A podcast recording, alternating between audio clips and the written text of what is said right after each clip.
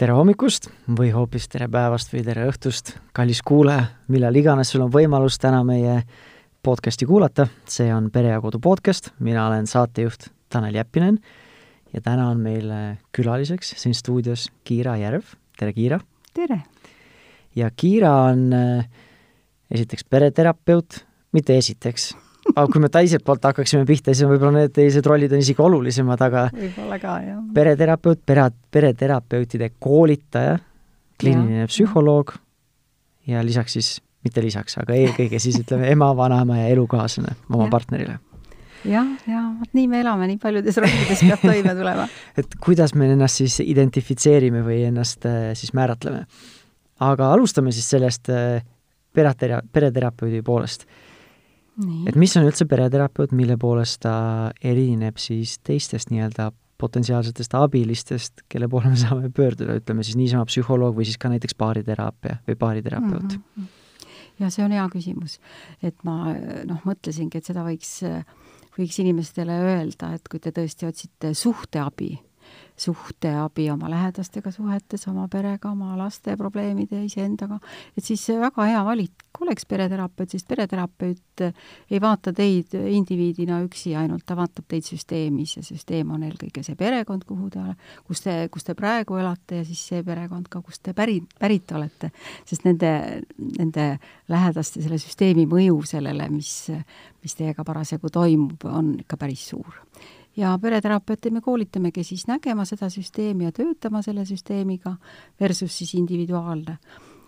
ja paljudel puhkudel ju lihtsalt eh, ilma spetsiaalse ettevalmistuseta psühholoogid aitavad inimesi, aga aga just niisuguste suhete ja oma terviseteemade puhul oleks eh, täiesti paslik pereterapeut üles otsida, neid spetsialiste meil on juba päris, päris palju Eestis mm. -hmm. ja nagu me mainisime ka, et sa ise oled üks nendest koolitajatest vist ja,. jah, jah, meie, meie kool asub Tartus, aga on veel, veel kaks kooli, kus praegu valmistatakse ette pereterapeute. no väga vahva, ma ise olen ka tartlane, nii et Tartus ka midagi. Tartus, jaa, Tartus meil on jah, pereteraapia koolituskeskus ja pereteraapia keskus, et Tartus on ka päris palju pereterapeute.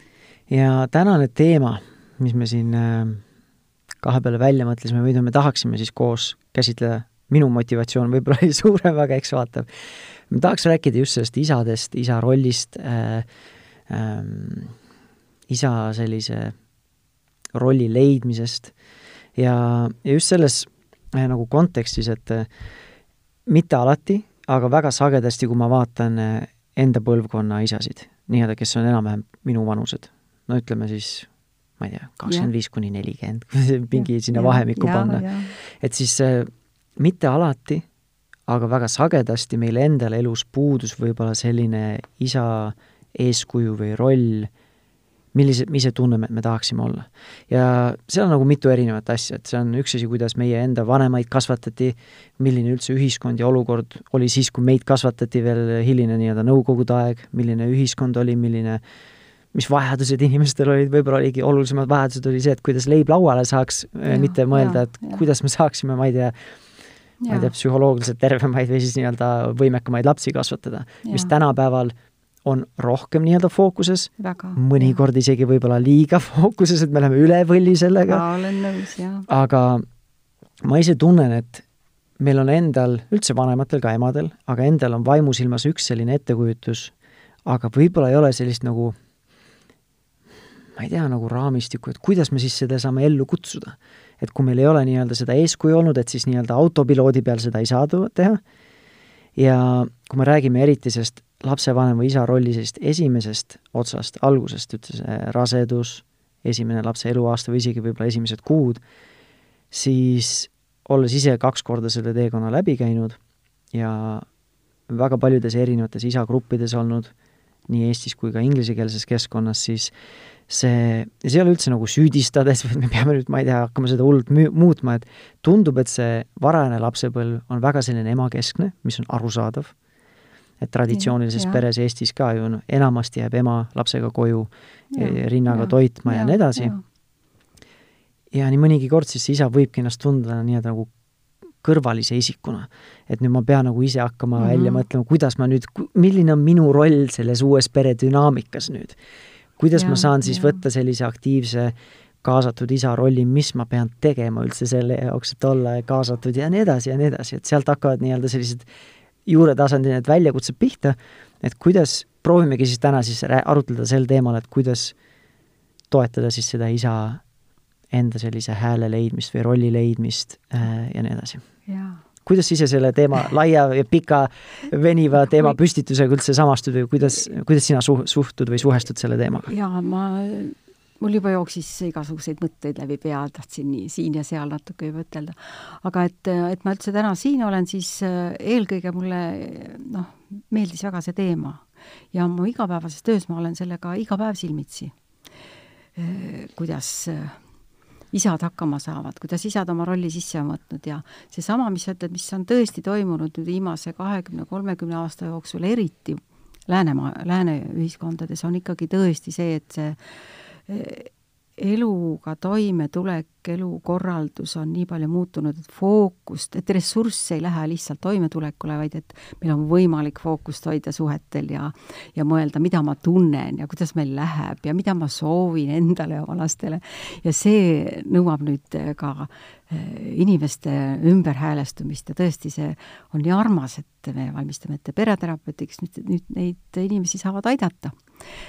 üks keeruline asi on see tulla sellest noh, toidulauale toonjast ja raha kohale toojast, see nagu sa kuskil ütlesid mm -hmm. ise ka vist, sellest distsiplineerijast nagu hakata nüüd partneriks oma äh, abikaasale, kes on ema, emaks saanud, et kuidas seda teha, see komistuskive on seal päris palju. ja see on nii-öelda selline ma ei tea, vanadest filmidest võib-olla selline kuvatud äh, nagu kuvand, et ja ma mäletan tegelikult ka, kui ma räägin enda emaga, oma onuga, olen rääkinud või vanavanematega, on ju, et siis äh, minu näiteks emapoolne vanaema oli äh, oli, või vanaisa oli sõjaväelane mm, -hmm. kes äh, ja. väga palju aega veetis kodust eemal ja, ja. ja siis oligi, kui tema koju tuli, siis tema oligi nii-öelda see distsiplineerija, et ema ja. nagu ähvardas, kui nüüd isa koju tuleb, siis nii ja naa, on ju.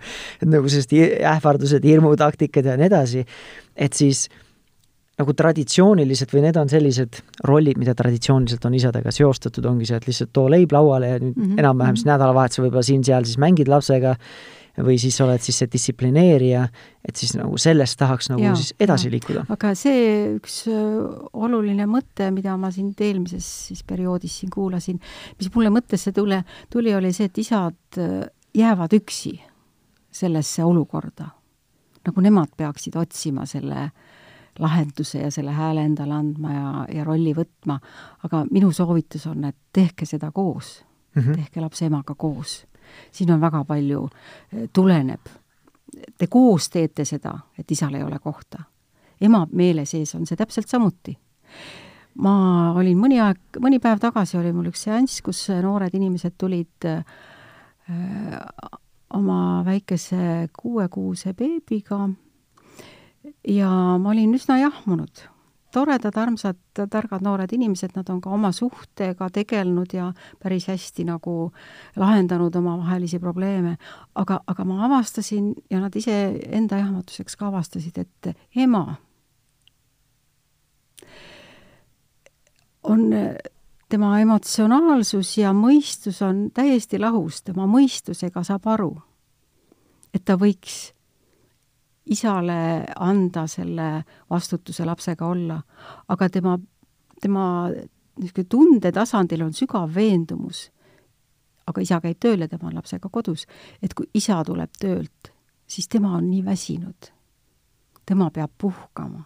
Ja see tuleb ja me vaatasime nende peremustrit, see tuleb mõlemast perest, kuidas isad olid need, kes eh, töötasid palju ja tohtisid olla väsinud ja ja pidid puhkama ja nüüd ta kannab selle üle oma peresse. ja siis ma küsin, et mida sa seal kodus teed, mis sina kodus teed, mis sa teed see kaheksast viieni? midagi ei tee, mitte midagi ei tee. ja see, ja kui me hakkame kaardistama seda, mida ta teeb, siis ta ütleb, et ta, et vahest ma ei jõua eh, korralikult vetsu ka minna, rääkimata mm -hmm. korraliku kõhutee söömisest, ma ootan, et mees koju tuleks. ja siis ma küsin, et kas tõesti see ei ole siis nii tähtis töö, et seda üldse nagu väärtustada. et te mõlemad tegite kaheksast viieni ja nüüd mõlemad jagate ülejäänud aja omavahel ära lapsega eh, tegeldes. aga, aga et see muster oli nii jah, jahmatavalt võimas. ma täiesti nõustun, et eh, ma arvan, et osaliselt või ka paljuski on see probleem nagu genereeritud või võimendatud ka naiste poolt ja ma arvan, et samamoodi siis me saame, mitte nagu, et neid eraldi välja töötada ainult nende poolt, aga et see ongi, et et nagu mõlemad koos, osalised koos ja samamoodi ma nagu nõustun, et eh, samamoodi see lahendus on ja mõlemapoolne üldse nagu, nagu perekeskne, mitte nagu üks või teine. jaa, väga hea. ja aga ja selles olukorra juurde, mis sina välja tõid, siis seal on, noh, tegelikult on ju võita mõlemal osapoolel sellest, kui isa on rohkem kaasatud, sest kui ema ei võta endale puhkust, siis tema põleb ka läbi. ja kui ja, isa ei ole ja. kaasatud, siis tema ei saa varasest äh, nii-öelda lapsepõlvest siis lapsega seda suhet ja kontakti luua, endal ebakindlus tekib ja nii edasi, ebakompetentsuse tunne ja nii edasi. milline mõju on siis lõpuks lapsele, et ma töötan ju väga palju täiskasvanud inimestega, kes tulevad oma tervisehäiretega või ebakindlusega ja oma mingisuguste tööprobleemidega ja juured lähevad sinna, et nad ei ole kunagi saanud ühendust isaga, et isa ei ole nende selja taga, isa ei ole olnud nii kohal, et ta tunneks, et ah, ma meeldisin isale, ma tegin isaga neid asju. pingutusega leitakse, ma ei tea, üks-kaks sündmust tervest oma lapsepõlvest, kus ta oli isaga ka. et see, see on jah, niisugune olukord, et seda peaks nüüd siin peatuma ja vaatama. et mis me siis teeme? et meie võidaksime, mees võidab, naine võidab. see, siit, no minu, minu niisugune kogemus peredega tööst on, ma ei tea, kas niisugust statistikat on tehtud, aga, aga ma näen seda, et et abielud ja kooselud purunevad, aga nad pur-, ei purune siis, kui lapsed on väikesed, aga et see seeme külvatakse väga sageli selles esimeses niisuguses keerulises elufaasis, kus on peres äh, väikelapsed ja nad vajavad palju hoolt sealt tuleb see eemaldumine, ema on kogu aeg väsinud, isa ei oska oma kohta sisse võtta, neil ei tule meelde enda eest piisavalt hoolt kanda ja siis nad ei saa suhte eest hoolt kanda. ja, ja sealt siis just nagu, noh, just nagu lambist või nagu see, eile ma vaatasin seda Niinemetsa stand-up'i et siis nagu lambist tuleks siis niisugune olukord, et me kasvasime lahku või mm. armastus sai otsa või ma, täpselt see selle kohta ei ole, aga USA-s Gottmani instituut ja, on äh, ja. teinud uuringut, et äh, esimese kahe laps, lapse, lapse esimese kahe eluaasta jooksul ma ei mäleta, kas oli kaks kolmandikku või kolm neljandikku paaridest, siis raporteerivad või nii-öelda seda eh, paari suhte kvaliteedi drastilist langust. ja, ja, ja, ja see jah, see on praktikas täiesti nähtav kogu aeg, jah ja mis ma veel näen, et noh, mis minul oleks tähtis, ma olen ise vanaema, ma olen nüüd äh, oma tütre peret näinud kõrvalt niiviisi, kui kolm, kolm kahe aasta, iga kahe aasta järel üks poiss on sündinud ja esimene on siis juba nüüd üksteist. et, et missuguses keerulises olukorras ikkagi see perekond on, kui neil ei ole võrgustikku ja väga paljud noored inimesed, nad, siin on nii erinevaid põhjuseid tänapäeval ka. varem oli see lihtsam, vanaema juba sai, jäi pensionile ja oli kodus ja aitas äh, ühe või teise asjaga. seal on oma see side effect või see kõrvalmõju jällegi, et siis vanaema tõrjus totaalselt isa kõrvale.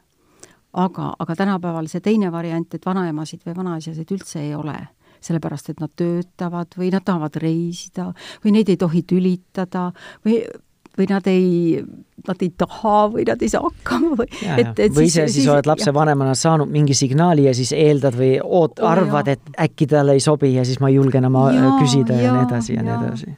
et ja siis nad jäävad, jätavad ennast üksi, nii et see võrgustiku kaasamine jälle pereterapeudina töös, ma ikkagi väga palju tegelen sellega, et ja siis ma pean ütlema ka, et teate, vanaemadel ja vanaisadel ei ole ka lihtne olukord, kui nad saavad beebi et teil on vaja mitte ainult isa eh, noh, aidata ühenduses, ma räägin seda emadele põhiliselt, et, et isa oleks ühenduses oma beebiga maast madalast samm-sammult igal, igal arenguastmel, aga et vanaemad ja vanaisad vajavad ka sellist harjumist ja tutvumist lapsega. tehke ta lapsega tuttavaks, ärge andke talle niiviisi, et nagu mina kunagi tegin, kui ma olin, olin noor ja olin äh, kahe lapsega ja isa oli, laste isa oli tööl ja ma mõtlesin, et ma jätan nüüd ema kaheks päevaks. niiviisi, et ema ei olnud ammu nendega olnud aga mina tahtsin kuskile minna. ja siis see oli päris äh, karm mu emale kes lapsi ei tundnud. traumeeriv kogemus nagu. ja oli lastele ka, et, et äh, selle pinnalt ma hästi nagu soovitan, et tehke neid tuttavaks. Isa oma lapsega tuttav, siis ta tunnetab ja teab, kuidas temaga olla. ja, ja vanavanemad täpselt samuti, väga hirmutav on võtta see beebi, kes on suur vastutus ja parem siis, noh, siis leian igasuguseid põhjuseid, et temaga mitte olla ja siis mu tütar või poeg jääbki arvama, et ma ei taha, aga see ei ole mitte see, see on niisugune hirm ja ebamugavus ja ebakindlus ja mm -hmm. et kõik vajame abi, see terve süsteem vajab abi ma nõustun, et see on suur vastutus, aga ma arvan, et noh, paljude isade puhul kes ise tahavad nii-öelda olla jutumärkides hea isa mm, -hmm. mis iganes see tähendab, kuna eriti kuna ta ise ei ole enda jaoks seda ka defineerinud, mida see, mida see üldse tähendaks, siis ja vaata, ma tahan öelda, et nad ei ole sellepärast defineerinud, et neil, neil ei ole nagu niisugust head kogemust ju, jah. ja nad arvavad, et nad teavad midagi. Ja nad avastavad ennast olukorrast. et nad teevad umbes sedasama, mis nad ise, ise ja no samamoodi, samamoodi nagu ei ole mingit definitsiooni, mis on hea ema, ei ole ja, ka hea ja, isa, et see, noh, seda ei ole nagu keegi kõrvalt ei saa nagu defineerida minu jaoks seda. loomulikult me saame mingid piirid panna, et kui ma tõesti last väärkohtlen, siis ilmselt see ei ole nagu hea isa, mis ilmselt, ilmselgelt ei ole, on ju. aga kui me räägime üldse sellest isa rollist ka, kui me rääkisime, et traditsiooniliselt on see leivatooja või siis see distsiplineerija, siis ma arvan, et ei mina ega siis tänane külaline Kiira ka ei saa nagu paika panna, mis sinu pere jaoks, kallis kuulaja, on õige või vale, et see sõltub teie perest aga me täna lihtsalt tahaks nagu arutleda, et kuidas siis isasid rohkem võib-olla kaasata või vähemalt juuru-, julgustada mm -hmm. seda mhm. või ma ei tea, panna mingeid asju paika, mis nagu julgustavad ja mhm. juurutavad rohkem mhm. sellist dünaamikat mm. -hmm. aga nüüd korraks aga oota, ma mõtlesin mm -hmm. ikka, et sa ütled, et pole nagu definitsiooni, missugune on hea isa või hea ema. ei ole ühest, et ainuõiget üks. aga ma ütlen, et mulle, minule on välja settinud minu kogemuse põhjal see üks asi ja see on ühenduses olemine kontaktisuhe. kontaktisuhe jah mm, -hmm. et, et me tunneme üksteist, tunnetame. Ja kui seda ei teki, siis, siis noh, püüa või nahast välja, kui hea sa tahad olla, mida iganes. ostad või teed või oled, aga aga kui seda ehedat ühendust ei ole, siis on siis on kõik keeruline.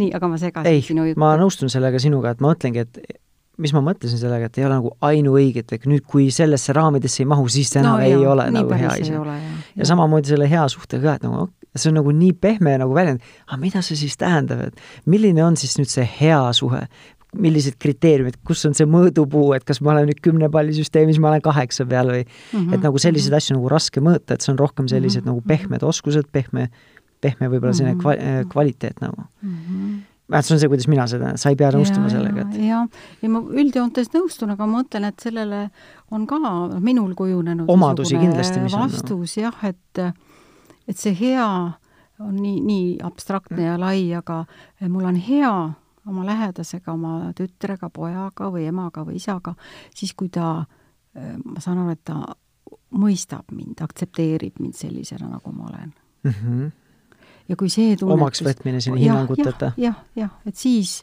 siis see ongi niisugune hea suhe. et siis saab kõike ja see tähendab siis seda, et me saame siis läbi rääkida neid teemasid, mis tekitavad, ärritavad teise lapse käitumises või isa mhm. käitumises või aga noh, jah, et, et siis on võimalik äh, alati nagu mingisugusest keerulisest kohast edasi minna, kui selline äh, soov mõista on olemas. aga muidugi palju mõjutab see, millistest reeglitest me tuleme ja see tuleb nagu laviin vanemale peale mm.. ma nõustun sellega, et seal on kindlalt mingeid kriteeriume või omadusi, mis seal võiks olla aga mhm. et ma ei saa, mina ise vähemalt ei oska öelda mingit sellist nii-öelda nagu retsepti, et pane nüüd nii palju seda, nii palju seda ja siis on sul hea suhe, on ju. et see on austus, lugupidavus, vastastikune ja, arusaamine ja, või ja. püüd mõista teda ja, ja, ja kõik need ja, muud just, asjad, on ju. ja see on, see on niisugune hea komplekt jah, sellepärast ei, ei pea ka, ei peaks ka keegi minema pereterapeudi juurde, et saada sealt retsepti, vaid pereterapeut on see, kes aitab seda ühendust luua, kui see on kaotsis. või para-, parandada seda ühendust. aga kui me nüüd korraks astume sammu tagasi, et mis sinu arvamus on, et mida on üldse perel, aga mitte, mitte nagu ainult perel nii-öelda tervikuna, aga ka nende indiviididelt on, mida on emal, mida on isal, mida on sellel lapsel õppida. kui sa on rohkem, mitte õppida, mida on nagu saada, mis see mm -hmm, väärtus on -hmm. kui sa on rohkem kaasatud nii emotsionaalselt kui ka võib-olla füüsiliselt äh, lapse kasvatamisse ja üldse pere funktsioneerimisse mm. -hmm. Versus see, et ta siis on, lihtsalt võtab, et minu roll on see, lihtsalt raha sisse tuua või distsiplineerida või mis iganes rolli tahab võtta, et ta on rohkem nii-öelda aktiivselt seotud lapse kasvatamisega. nii mm -hmm. füüsiliselt, et ma võtan osa, aga ka emotsionaalselt, ma räägin läbi, ma olen kaasatud protsessidesse, kuidas ja mida me teeme et sa küsid, mis laps võidab sellest või Üldse, mis, mida, mida on lapsel terve. võita, mida on võib-olla ka isal võita, mida on emal võita, üldse pereüksusel. nojah, aga terve pere võidab, sest siis on peres rohkem tasakaalu ja ja üksteise toetamise tunnet. sest see on ka noh, see, see, kuidas laps ennast peres tunneb, selle vundament on ikkagi hästi palju see, mis, kuidas mees ja naine omavahel tunnevad ja kui mees on oma väga kitsas rollis, varustaja või rahateenija või see, see tähtis mees, siis tal, teda ei jätku eriti palju ka äh, lapse, lapse jaoks teda niikuinii ei jätku ja ema jaoks teda ka on väga vähe. et äh, siin lapsevanema uus roll, mille mõlemad siis saavad, kui laps sünnib perre, et see tahab äh, päris palju nüüd kooskõlastusi ja õppimist, sest nad oskasid reeglina ikkagi olla mees ja naine, aga nüüd see uus lapsevanema roll või see lapsevanemate kooslus, see, see tahab nüüd äh, õlitamist ja, äh, ja käimasaamist. et siin on vaja võtta see, et me mõlemad oleme tähtsad, mitte see, et isa võib puhata siis, kui tema on töölt tulnud ja, ja emal nagu ei olekski midagi olnud.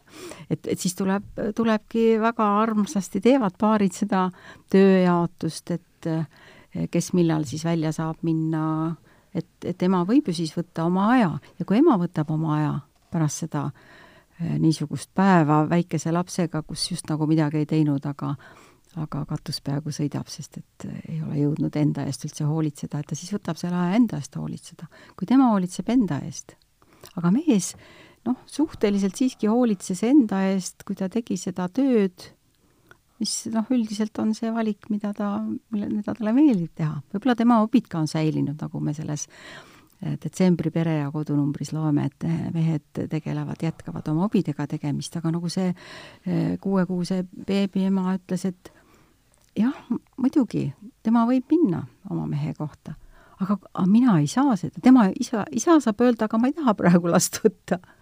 aga ema ütleb siis, et aga, aga ma ei saa seda öelda ma olen igal juhul. nii et see niisugune läbirääkimine ja omavaheline tegevuste ja tööde jaotus on äh, hästi hea, kui, kui siis pere saab aru, et me oleme täiesti uues olukorras, kui laps sünnib. et siis äh, mõtleme nüüd, kuidas me ellu jääme. kuna sina oma tassi täidad, see tassi täitmise kampaania on väga armas siin, äh, mis Tai teeb praegu, millal sina oma tassi täidad? ja siis peaks jätkuma ressurssi veel selleks, et aga me teeks midagi koos ka, et meie suhe jääks alles see suhe, see mehe ja naise suhe nii hakkab väga paljudel juhtudel, ma räägin muidugi nüüd vot neist kogemustest rohkem, mis mul on pereterapeudina, sinna tulevad probleemsed olukorrad. ma, ma samas annan endale aru, et väga palju on tänapäeval ikka noori toredaid paare, kus, kus see toimubki, see jaotus juba niisuguse töö, tööjaotus ja see mahaistumine, et mõtleme läbi, kuidas seda teha, eh, toimub väga palju, aga, aga hämmastavalt palju siiski läheb kõik selles, selles vanas rajas, et omad asjad jäetakse täitmata ja ja oma suhtetassi ei ole siis midagi panna ja siis vaikselt keegi ei võida. Mm. ja laps vajab isa väga palju, kui sa, ma rääkisin nüüd suhte aspektist, siis laps noh, mõtlen jälle näidete peale, et et, et see võib olla see ürgne, mis, mis ongi hästi, et ema hoiab ja kaitseb ja rahuldab esmased vajadused ja isa saab natuke rahulikumalt võtta ka lapse nuttu või lapse olukorda, ta usaldab üldse nagu maailma teistsugusel viisil ja, ja ta saab äh, lapsele last julgustada mingites asjades, milles ema ei saa. mõnikord on see ka teistpidi, ma mõtleks, et see on lihtsalt, et võib-olla on niiviisi öelda tähtis, et lapsel on kaks vanemat. ei ole alati nii see ema mm -hmm. või isa spetsiifiline, tähtis, et neid on kaks. ja vaata, siis on veel see, et kui, kui me jätame lapse ainult ühe vanema meelevalda või, või tema kogemusega, ta jääb ju vaesemaks kui siis, kui tal oleks ühendus kahe vanemaga, kes milleski on sarnased, aga milleski on väga erinevad. see on tema rikkus ja võit mm.. no siin me nüüd komistame jälle selle nii-öelda eraldi teema kohta, kui on sama, samasooliste Aa, äh, vanematega nii-öelda pere või laps, on ju. aga kui on nii-öelda traditsioonilises ei, ma isegi mõtlen..., mul ei tulnud praegu üldse meelde neid okay. samasoolisi, ma mõtlesingi seda, et tegelikult on, ma tean peresid, kus ema on see, kes julgustab mm, -hmm. ja isa on kuidagi tulnud sellest sellisest süsteemist, kus peab olema hästi ettevaatlik ja peab tegema kõike korralikult, et see ei käi nagu päris mehe ja naise e, sugu mööda. aga ma tahan öelda, et seda, et rikkus on, et kaks inimest pakuvad mõlemad ja siis tuleb rohkem tasakaalu lapse jaoks mm. -hmm. ma, ja selles mõttes ma nõustun, kui ma, kui ma lähen korra selle küsimuse juurde ka tagasi, et mida, et see pere nagu üksusel on kindlasti nagu võita sellest, on ju, siis nad saavad vastutust jagada, füüsilist nii-öelda aega võib-olla ressursse ka jagada, aga see, ja see emotsionaalne pool ka, et nagu paljud emad ikka räägivad, et kui et nad armastavad oma meest või tunnevad seda armastust rohkem, kui ta näeb, et ta lastega mängib või on nendega rohkem ja, või kasvatab ja. neid ja nii edasi, et see võib nii-öelda paari ja, ka lähendada. aga nüüd, kui ma räägin äh, nagu isa perspektiivist, mis ma ise olen kogenud, ise tundnud, kui teiste isadega rääkinud ja äh, nii-öelda varasemalt, kui ma inglise keeles tegin podcast'i, siis äh, kui ma selles, selleks teemaks ette valmistusin, ma täna kõiki detaile või neid asju ei märk-, ei mäleta peast, aga siis tegelikult isal endal indiviidina ka sellest võita päris palju, et juba kas või selle pealt, et see emotsionaalne, see side ja kontakt oma lapsega. Ja kui seda ei ole, siis kuidas see emotsionaalselt ja psühholoogiliselt nagu inimest mõjutab, on ju, et see, äh, et see noh, ma arvan, et iga isa ja ema oskab ka, ma emade koha pealt ei oska rääkida, ma ei ole ema olnud siiamaani veel mm, et aga et see lapse ja isa vaheline suhe on hoopis teistsuguse kvaliteediga või nagu hoopis teine, kui on täiskasvanute vahelised suhted, arm-, nii-öelda romantiline suhe oma naisega ja nii edasi. et see nagu annab hoopis teistsuguse nii-öelda dimensiooni ja, või väärtuse ja. sulle, väärtusele ellu juurde ja kui sa nagu panustad sellesse suhtesse, siis see samamoodi toidab emotsionaalselt, emotsionaalse energiaga. Noh ja mina ei ole jälle isa olnud, aga ma, näen neid isasid, kuidas laps too, toob isas esile selle pehmema, soojema, emotsionaalsema poole, mis nagu selle rolli sisse nagu väga hästi ei ole siis veel ikka sisse kirjutatud mm. -hmm. aga et, et see on mehe jaoks suur väärtus. aga seda toetavad isegi bioloogilised uuringud, et isad, kes on kaasatud laste kasvatamisse rohkem, siis see testosterooni eh, tase langeb ja. kehas, sest ja, eh, sul ja. ei ole vaja seda agressiivsust rohkem, sul ei ole vaja paarilist nii-öelda ligi tõmmata selle testosterooniga ja nii edasi, et siis see ei ole nagu nii massiivselt, et sa nüüd ma ei tea, sul ja, ei, ja, ei funktsioneeri enam, on ju, aga see testosteroon nagu langeb, testosterooni tase kehas. sest sul on hoopis, sul on teine roll nüüd, sa pead ja, olema rohkem ja, hoolivam ja, agressiivsus ja hoolivus ei käi nagu tavaliselt kokku. jah, aga noh, sa oled siis mitmekülgsem, sul mm -hmm. on seda ja teist, rohkem võimalusi ennast realiseerida ja ennast selle tõttu paremini tunda. ja, ja selle sinu teise kommentaari juurde tagasi tulles, et loomulikult on äh, need rollid ei ole nagu kivisse raiutud, et pere saab neid rolle nagu võtta või, või jagada neid rolle, mis on nii-öelda traditsiooniliselt rohkem mm -hmm. isa roll mm -hmm. või ema roll mm, -hmm. aga sellega nagu ma nagu nõustun või ma olen nagu ise lugenud selle kohta, et tege-, et lapsel ei ole vaja kahte vanemat, kes on nii-öelda nagu arvuti sellest programmist copy-paste nii-öelda lõika no, ja kleebi, on ju. et see on nagu täiesti okei okay ja normaalne, et nad toovad erinevaid asju sinna dünaamikasse. Ja, ja see on isegi täiesti okei okay,, et lapsevanematel on eraldi piirid, et isal on natukene ühed piirid, emal on ja, teised piirid, erinevad tundlikkused, et nagu lihtne näide on see, kuidas stereotüüpiliselt vähemalt, kuidas emad ja isad lastega mängivad. et isad kuidagi instinktiivselt mängivad rohkem füüsiliselt, mis arendab motoorset ja. arengut, füüsilist ja. arengut, aga ka emotsionaalset arengut mm, -hmm. sest lapsed füüsiliselt mängides, mürades, kohtuvad ja põrkuvad kokku oma suurte ja. emotsioonidega, hirmuga, mõnikord ka ja, vihaga ja. ja läbi selle füüsilise mängu nad õpivad paremini reguleerima, neid tundma või neid emotsioone tundma, et mm, -hmm. et mõlemad osapooled, kui nad mängivad erinevalt, kui nad toovad erinevaid asju siia nii-öelda kasvatusdünaamikasse mhm. või kasvatusse, siis need täidavad erinevat rolli, et ei pea mm, -hmm. et kui me räägime sellest, et isa otsib, kui isa otsib oma rolli, siis ta ei pea kopeerima seda, mis ema teeb oh,. väga nõus. aga proovimegi ja. siis tulla selle oma isikupäraga, oma nii-öelda instinktidega siin ja proovida sedasi nagu kasvatada. jah ma, ma, väga armas, kuidas sa räägid seda, jah. ja ma jäin mõttesse, no kujuta ette, kuidas kuidas poissil on areneda, kui ta ei saagi seda kogemust isaga, tema isa maailma ja seda füüsilist kontakti ja ja seda niisugust no mingit võistluslikkust ja ja, ja, sellesama selle noh, see ei ole ainukene koht, kus lapsed saavad õppida hirmuga vastu või agressiivsust kontrollima. et äh, samamoodi oli vist, minu arust oli see Lawrence Cohen oma raamatus mängu kohta mm. rääkis seda, et kui on hirm, et agressiivne mäng teeb lapsi agressiivsemaks, siis tegelikult on just vastupidi, on näidatud mm. uuringud, et agressiivne mäng õpetab agressiooni ja selli-, neid, neid tundeid reguleerima. ja, ja üks uurimus, mis on tehtud täiesti, ei ole nagu inimestega, on just elevantidega to toodud või nii-öelda uuritud, et et need elevandipullid või nii-öelda noorukid mm, -hmm. mees, noh, isas, isendid mm, -hmm. kellel ei ole olnud isas seda äh, nii-öelda eeskuju ees mm, -hmm. siis mhm. nemad kasvavadki üles agressiivseks, nagu ebaratsionaalselt agressiivseks, et nad on agressiivsed mitte sellepärast, et neil on vaja ennast kaitsta või ma ei tea, võidelda rolli eest, vaid lihtsalt ongi agressiivsed agressiivseks olemise pärast, et nad ei suuda ennast reguleerida ja kontrollida. et siis, ja seda on nende puhul samamoodi seostatud just selle, näidatud, et selle isa eeskuju puudumisega. ja noh, eks seal võib, seal nii palju inimeste puhul on ka, USA-s on palju toodud, et mm -hmm. kui on puudulikud isa, puudulik isa ja, kuju, et siis on samamoodi, on palju suurema tõenäosusega oled siis hiljem vangis olnud. aga eks seal tulevad jälle muud sotsiaalsed no, ökonoomi, ökono-, ökonoomsed nii-öelda tegurid ja nii edasi.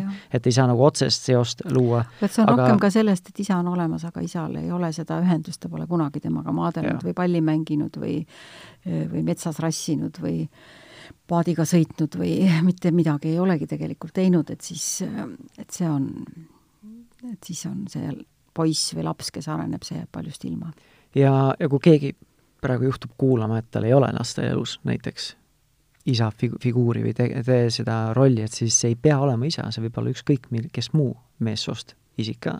võib-olla onu, võib-olla vanaisa, võib-olla sõber, perekonnasõber, kes ja, ja. on nii-öelda selleks meesrolli eeskujuks või mingiks? Ma olen väga nõus, jah, me ei taha, me ei tahaks ju rääkida, et see oleks katastroof, kui kui isa ei, ei ela, ela peres või isa ei ole enam, et et tõesti, see on väga tähtis, aga siin ma mõtlen seda, et et siis ema, naine võiks mõelda seda, et kus, kus minu ümbruses on see, see mees, keda mu laps vajab. see võib olla vanaisa, kellega siis just eriti võiks aidata lapsel ühendust luua.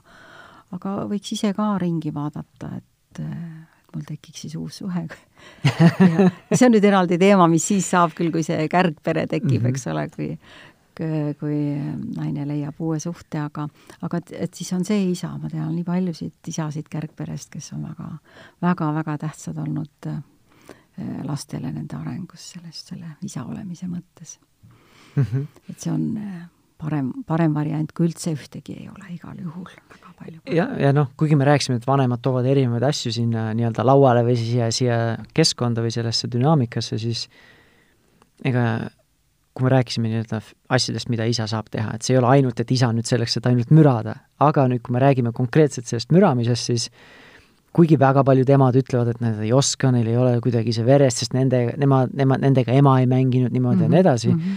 siis äh, mina ei ole näinud ühtegi naisterahvast, kellel füüsiliselt on mingi müramise soon ära või opereeritud nagu, et et see võimekus on meil kõigil olemas. see tuletab mulle meelde, kuidas mina olen, mina vanaemana olen maadelnud kõigi poistega mingis vanuses, siis kui ma jaksasin veel, nüüd on nad juba viimane on ka nii suur, et ma ja, juba endast pikem ja suurem. niiviisi nagu ei jaksa nendega riseleda, me tõmbasime diivani laiaks ja möllasime, kõigile õudselt see meeldis seal, et jah, aga et lapsed peaksid siiski saama, sellepärast on hea, kui on erinevaid inimesi lapse ümber, mitte ainult isa ja me isegi, isegi rohkem, et ühega eh, teha ühte, teisega teist, jah, ma arvan, et et võib-olla emaga ei olnud neil aega maadelda, aga, aga mulle pakkus see lõbu ja see oli tore, mulle meeldis, kuidas see neile meeldis ja kuidas nad õhin-, õhinaga asja juures olid ja no see lihtsalt sagedasti tuleb meesterahvastel instinktiivselt, sest nendega on isad müranud või nemad ise on palju rohkem müranud võib-olla lapsepõlves.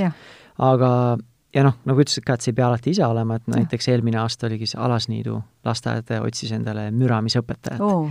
ja jaa. nad said ka minu arust, sest Äge. mul käivad paar äh, sõpra käivad seal, neil on nagu müramisõpetaja et ähm, aga jah, et, et ja kui me nüüd räägime sellest, sina rääkisid poegadega mürasid või lapselastega, poe, tütrepoegadega, poegadega, siis mm -hmm. me, mul on näiteks vanem laps on tütar mm -hmm.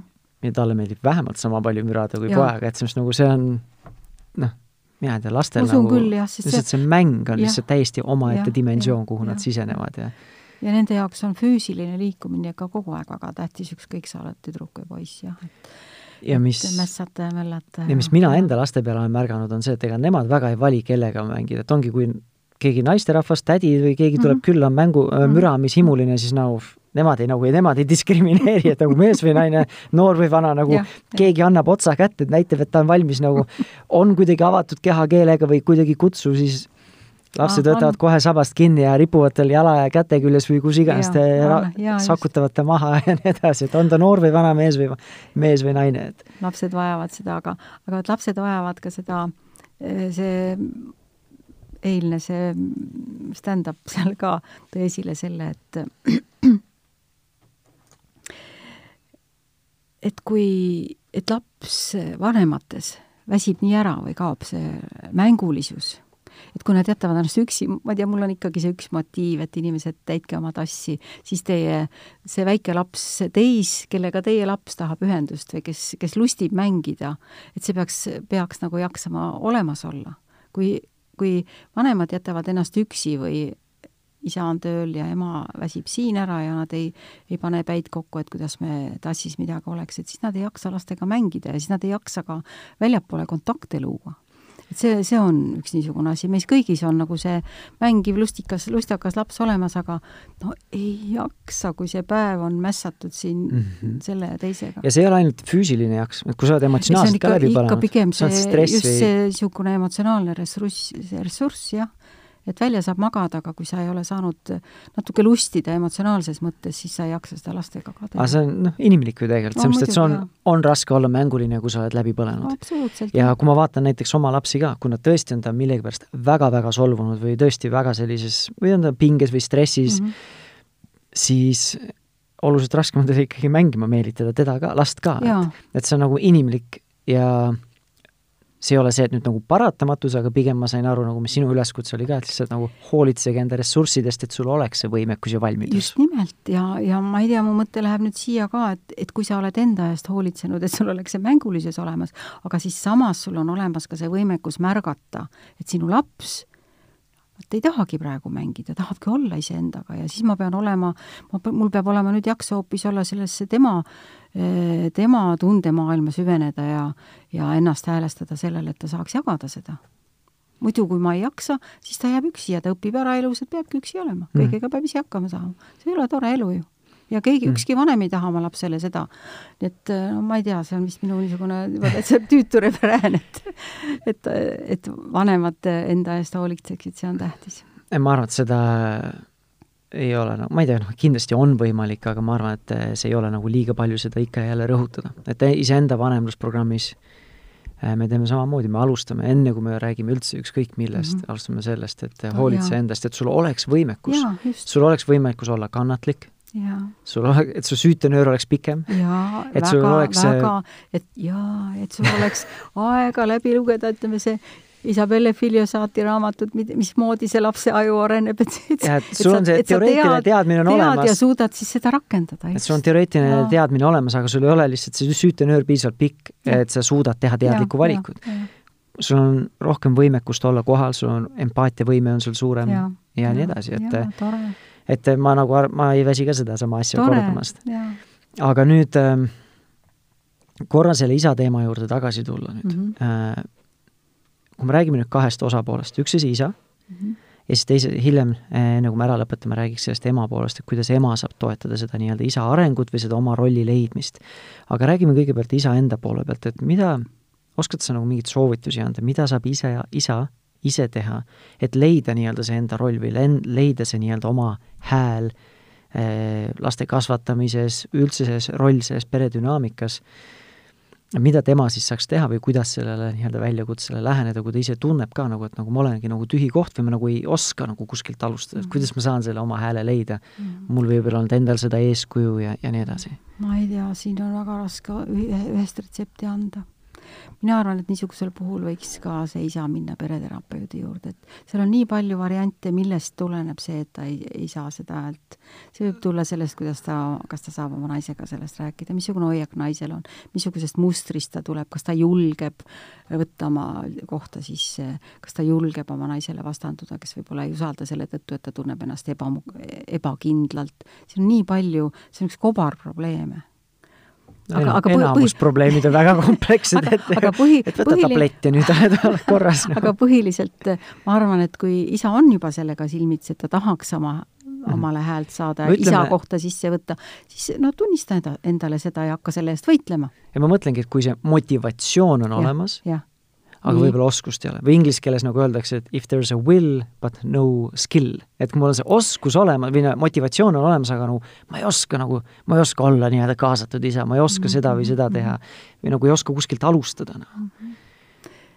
No ma ei tea, siin on, tuleb ka palju erinevaid vastuseid pähe, esimene on, et mine Kordani perekooli mm, -hmm. õpi teatud oskusi, isad on väga rahul neis, seda koolitust läbi tehes väga rahul, sest nad õpivad midagi, mida nad tõesti pole osanud, aga aga esimene on ikka see, et ole lapsega. usalda ennast, usalda last, proovige, katsetage mm. -hmm ega me ei ole sündinud keegi ideaalseks isaks või emaks või kasvatajaks, ole sellega luba, on... luba endale eksida, luba katsetada, ei juhtu, laps ei ole nii lihtsalt ei purune. ma arvan, et see on üks asi, mis äh,, see ongi nagu müüt, et nii-öelda emaks nagu sünnitakse. või et nii-öelda nüüd laps sünnib ja nüüd mina ei, sündisin emaks, et samamoodi on täpselt sama. ongi see nagu õppimine ja kasvamine. sinuga just, jaa. ja see, mis sa ütlesid, see oli, et kui ükskõik, mis see muud oleks jäänud, ma oleks tahtnud seda ise lisada et üks võib-olla lihtsamaid asju, mis ongi see, et äh, pange kalendrisse üks-ühele isa ja lapse aeg et olgu ta väike laps, ema, mine lihtsalt too poest piima kas või alusta kas või sellest väike beebi, ole siis viisteist minutit oma pead, sa ei pea võtma kaks päeva et alusta väikestest sammudest, aga see, et ma ei pea muretsema selle pärast, mis mu nüüd naine sellest arvab, kui ma nii teen. Ja. või kui mina ja. nüüd vahetan mähkmed, mähed teistmoodi, et see ei ole õigesti ja valesti. kaugusest ja. välja, sa ise ei, ei kannata seda ära, kuidas nad oma, oma suhet õpivad, sinu beebi ja, ja isa mine ära ja sinu mees ei saa ka hästi sellega hakkama, kui sa tul-, teab, et sa, et sa iga hetk võid tulla ja et isegi ja, sellest ja, ei juhtu absoluutselt mitte midagi, kui see isa armas. paneb tagurpidi selle mähkme. nagu see halvim asi, mis võib juhtuda, et lihtsalt lekib see mähe ükskord. rohkem, rohkem pesu pesta ja et ja. et see ei ole, seal ole ainult ühte õiget viisi, kuidas mähkmeid vahetada, ei ole ühte ainuõiget viisi, kuidas, kui sa lapse nii-öelda heaolu ja tervise eest on hoolitsetud, sa ei vääna neid asju talle selga, et ei ole õiget või valet viisi mm, -hmm. kuidas mhm. riidesse panna et mm -hmm. las see isa nagu õpib iseenda asju tegema, loomulikult me saame mõtteid vahetada ja. naisega.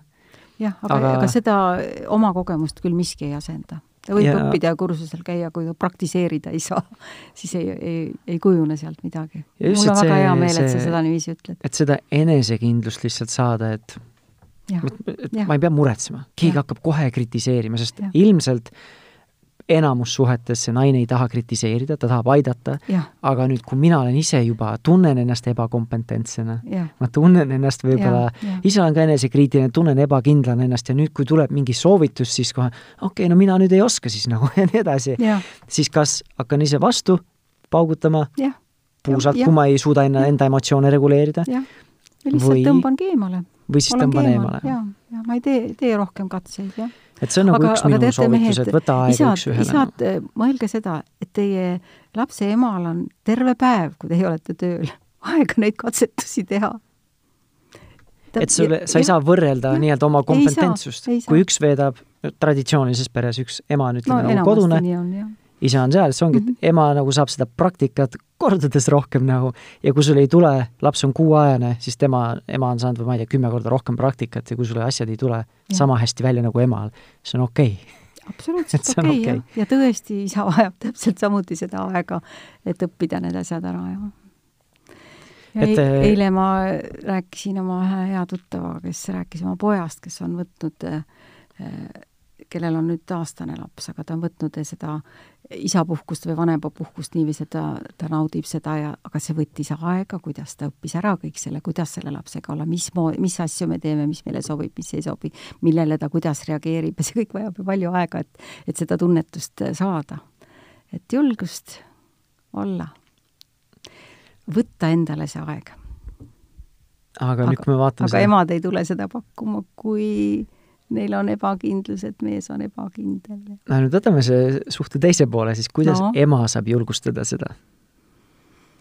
või mida, mis mingid mõtteterad või tegevused või et mida, mida meeles pidada peale selle, millest me rääkisime, et, et isale pakkuda ja julgustada seda üks-ühele aega lapsega, et, et ei ole, ei pea alati nii-öelda nagu helikopter seal kohal nii-öelda tiirutama ja kontrollima igat sammu, nõu andma iga asja suhtes, tähelepanu pöörama iga asja suhtes, mis, mis valesti läks või teistmoodi tegi ja nii edasi mm. -hmm nojah, nõu võime igasugust anda, aga et palju see noh, kas ema saab toetada või ei saa, see põhineb tema enda mudelil, nagu ma rääkisin neist toredatest noortest inimestest, kes teavad kõike, aga kui läheb tegudeks, siis tal on nii selgelt see mudel silmade ees, et ema on aina lastega. ja, ja, ja on süüdi igal hetkel, kui ta ei ole lapsega, sest see kõik tuleb mitu põlve sealt ülevalt poolt, eelmistest põlvedest. Et siis ta ei saa seda, et ta peaks noh, siin peaks ikka olema usaldus, nii, üks on see, et muster, ma ütlen jah, ma tahan teisiti teha.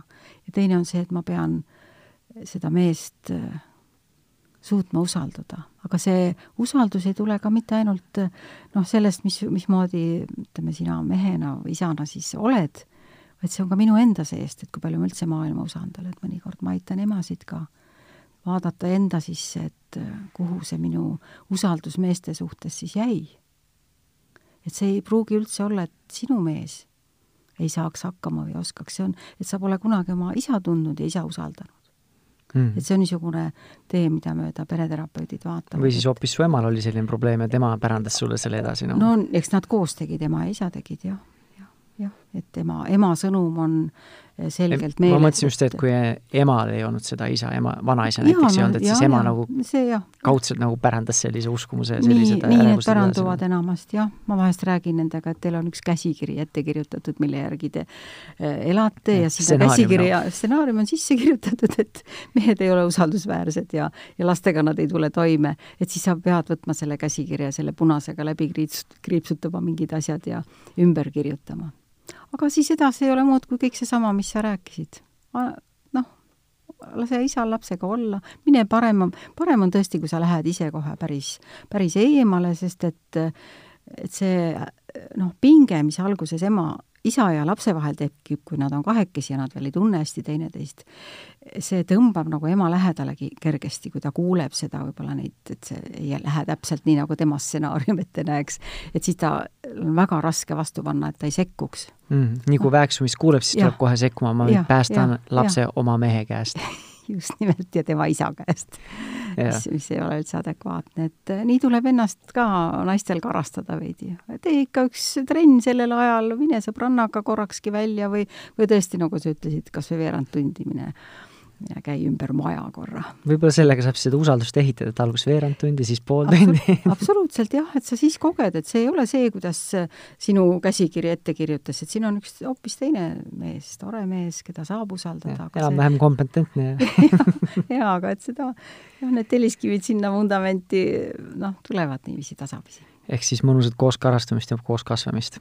no just, jah, jah meil on nüüd aeg hakkab otsa saama, et tahad sa veel midagi lõpus rõhutada või tunned, et enamus, enamus asjad sai nagu öeldud, mis sa tunned, et oleks pidanud ütlema? ja ma arvan küll, et, et see vist noh, alati võiks ju edasi rääkida, aga tundus küll, tundus küll, et me rääkisime päris tähtsatest asjadest, mida mina tähtsaks pean. nüüd, kui äh, keegi kuulas, sest nii mõnegi teemaga, paljusid, paljusid asju me saame ise ära teha oma perekeskis, eriti kui on avatud suhtlemine ja nii edasi. aga kui seal on mingid blokeeringud või tundub, et on suurem teema ja keegi väga samastus sinuga eh,, kuhu sa nad siis suunaksid, kus nad võiksid abi otsida, kui me räägime pereterapeutidest või mm, -hmm. või muudest abilistest? Nii nagu ma alguses ka ütlesin, esmane valik võiks olla pereterapeut ja inimesed praegu väga alati ei erista seda, et äh, psühholoog on üks niisugune sõna, mida, mis nagu ütleb, et sealt saab abi, psühholoogilt saab abi, aga mina soovitan inimestel äh, ikkagi vaadata, kas sellel psühholoogil on pereterapeudi pädevus. meie kuna meil on see koolituskeskus, siis meie õpilased ka teevad juba, kas nad on vähemalt väljaõppes, siis nad teevad päris Mhm. head tööd aga kust juba. leida nüüd väljaõppega pereterapeuti? meil on koduleht perekonsultatsioonid.ee, seal on minu kontaktid, seal on meie õpilaste kontakte, see on nii üle-eestiliselt. Eesti Pereteraapia Ühingul on koduleht mingi vist pereterapeudid.ee vist. pereterapeutid.ee, kust on eraldi siis pereterapeutide kontaktid erinevates Eesti kohtades. nii et jah, selle pilguga võiks ringi vaadata. osa on kvalifitseerunud ainult baariteraap-, teraapiale, sa alguses küsisid ka, ma ei vastanud, et kas sa baariterapeut või pereterapeut. et kui baariterapeudil on niisugune pereterapeudi laiem pädevus, siis võib-olla mingeid asju ta näeb veel laiemas kontekstis kui baariterapeut, aga baariterapeut on ka väärtus omaette, eks põhiline on see, et pereterapeudid, baariterapeudid aitavad inimestel omavahel ühendust saada, üksteist paremini mõista, rääkida neil rasketel teemadel, mis omavahel nagu alati tulekahju tekitavad. ja see on see peamine, kui, kui sa saad nagu mingitest rasketest kohtadest üle kellegi neutraalse abiga, siis saab ise edasi et omavaheliste mustrite tegelemisega. Jaa mm -hmm., jah, ja siin noh, pereterapeut laiemas mõttes aitab vaadata, aga me siin korduvalt rääkisime, et kust see tuleb, et see tuleb ikka selle käsikirjana, see on kirjutatud mitu põlve juba ülespoole sinna enne meid valmis. et ta aitab ka seda näha, me kasutame genogrammi oma töös, pereterapeudid väga palju seal on, me paneme sinna suhtemärgid peale, siis on inimestel lihtsalt mustvalgel, jah, tõesti ma, ma ei saagi, ei olekski saanud muud teha, kui ma nüüd siin ei oleks ja ei mõtleks selle üle. ja kui ma mõtlen selle üle, siis ma saan selle muutuse teha. Eriti me koos saame teha, terve pere, palju, palju ju on, ma töötan niiviisi, et terve pere on kohal mingite probleemide tõttu on tulnud, et kõik kuulavad, kõik mõtlevad kaasa, teevad koos uue otsuse kirjutada teistmoodi seda oma elu tuleviku käsikirja mm.. suur-suur aitäh sulle, Kiira! aitäh heaks! ja aitäh sulle ka, kallis kuulaja, et sa täna meiega selle, need viiskümmend pluss minutit veetsid. kui äh, tänane teema oli sulle meeltmööda, siis äh, meil on nii-öelda arhiivis juba vist kuuskümmend, seitsekümmend, võib-olla juba rohkem äh, saateid ja need kõik varasemad saated leiad enda nutitelefoni podcasti äpist või aplikatsioonist, Spotify'st ja lisaks veel ka Delfi ning Pere ja Kodu veebiväljaandest ja kui sa soovid minuga kahepoolselt suhelda, siis minu leiad sa Facebooki grupist Positiivne ja rahumeelne vanemlus. aga aitäh veel kord ja järgmise korrani!